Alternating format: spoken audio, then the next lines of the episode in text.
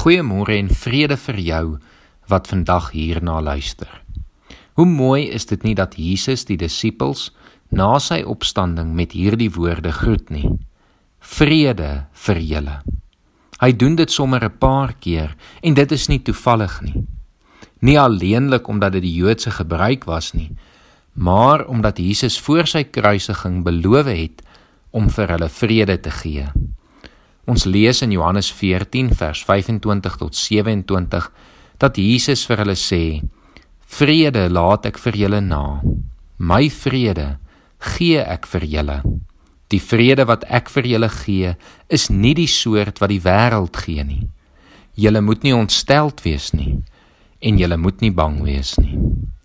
Jesus maak dit duidelik dat sy vrede anders as die wêreld is. Dit is nie alleenlike uiterlike vrede nie.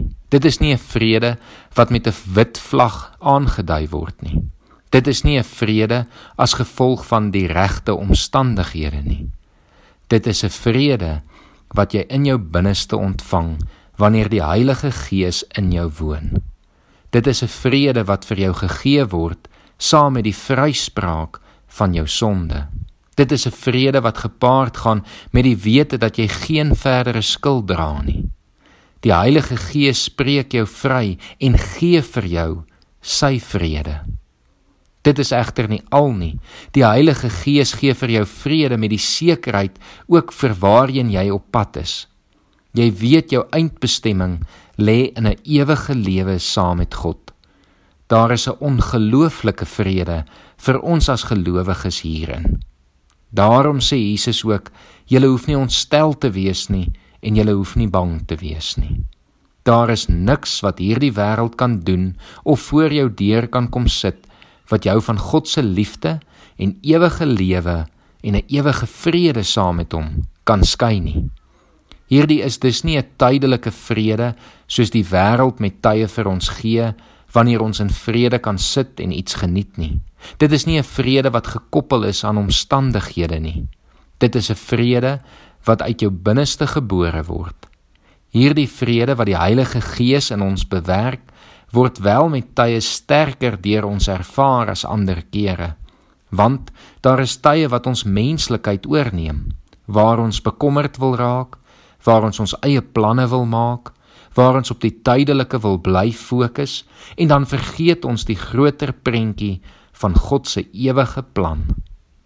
Daarom is dit so belangrik dat ons sal onthou om bewus te bly van die Heilige Gees binne in ons, om te bly luister na sy stem en toe te laat dat hy vir jou sy vrede gee. Indien ons innerlike vrede ervaar, loop dit natuurlik ook uit na ons uiterlike toe en behoort mense uiteindelik iets van ons vrede te sien. God gee vir ons hierdie vrug en wil hê ons moet hierdie vrug dra sodat sy koninkryk sigbaar kan word. Dit is immers 'n koninkryk van vrede waarheen ons ander mense ook na toe moet uitnooi. Jesus het onder andere gesê: "Geseënd is die vredemakers, want hulle sal kinders van God genoem word."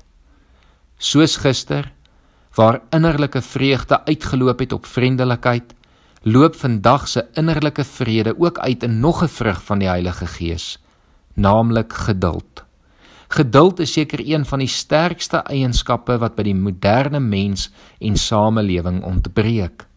Ons is gewoond aan 'n kitswêreld met kitsoplossings.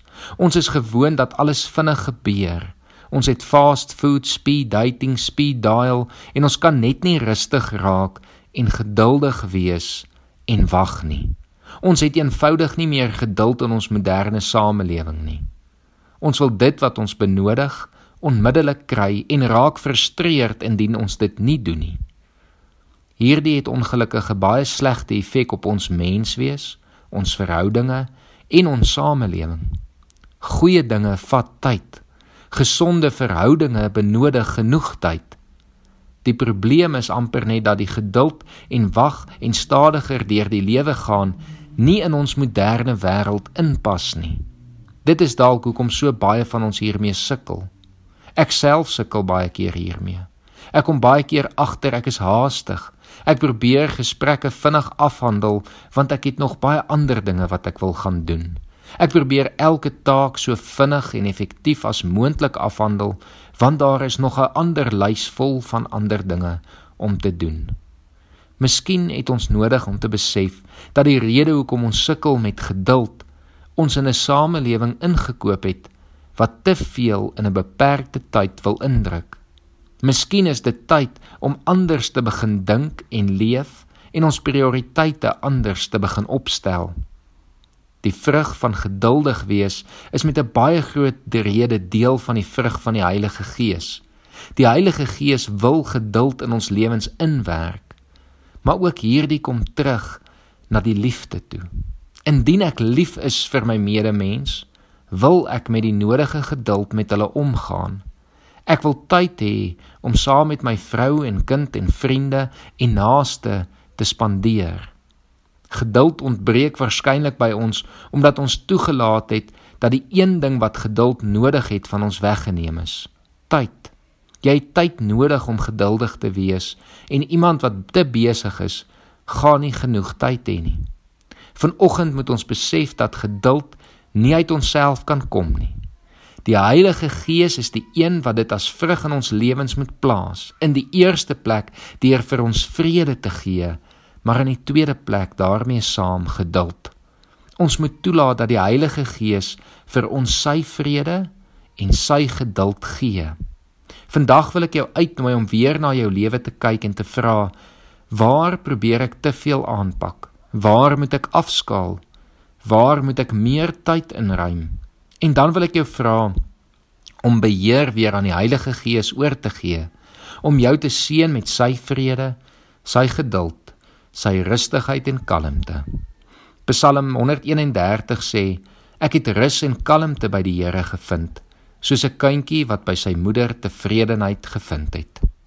Kom ons bid saam. Here, dankie dat ons vrede by U kan kry. Here, dankie dat ons 'n innerlike rustigheid en kalmte by U kan beleef, soos 'n kind by sy moeder. Here kom help ons asseblief om uit hierdie vrede te leef sodat ons met geduld ook ander mense kan behandel en rustig en kalm in hierdie wêreld ons u liefde vir die wêreld kan gaan uitstraal. Amen.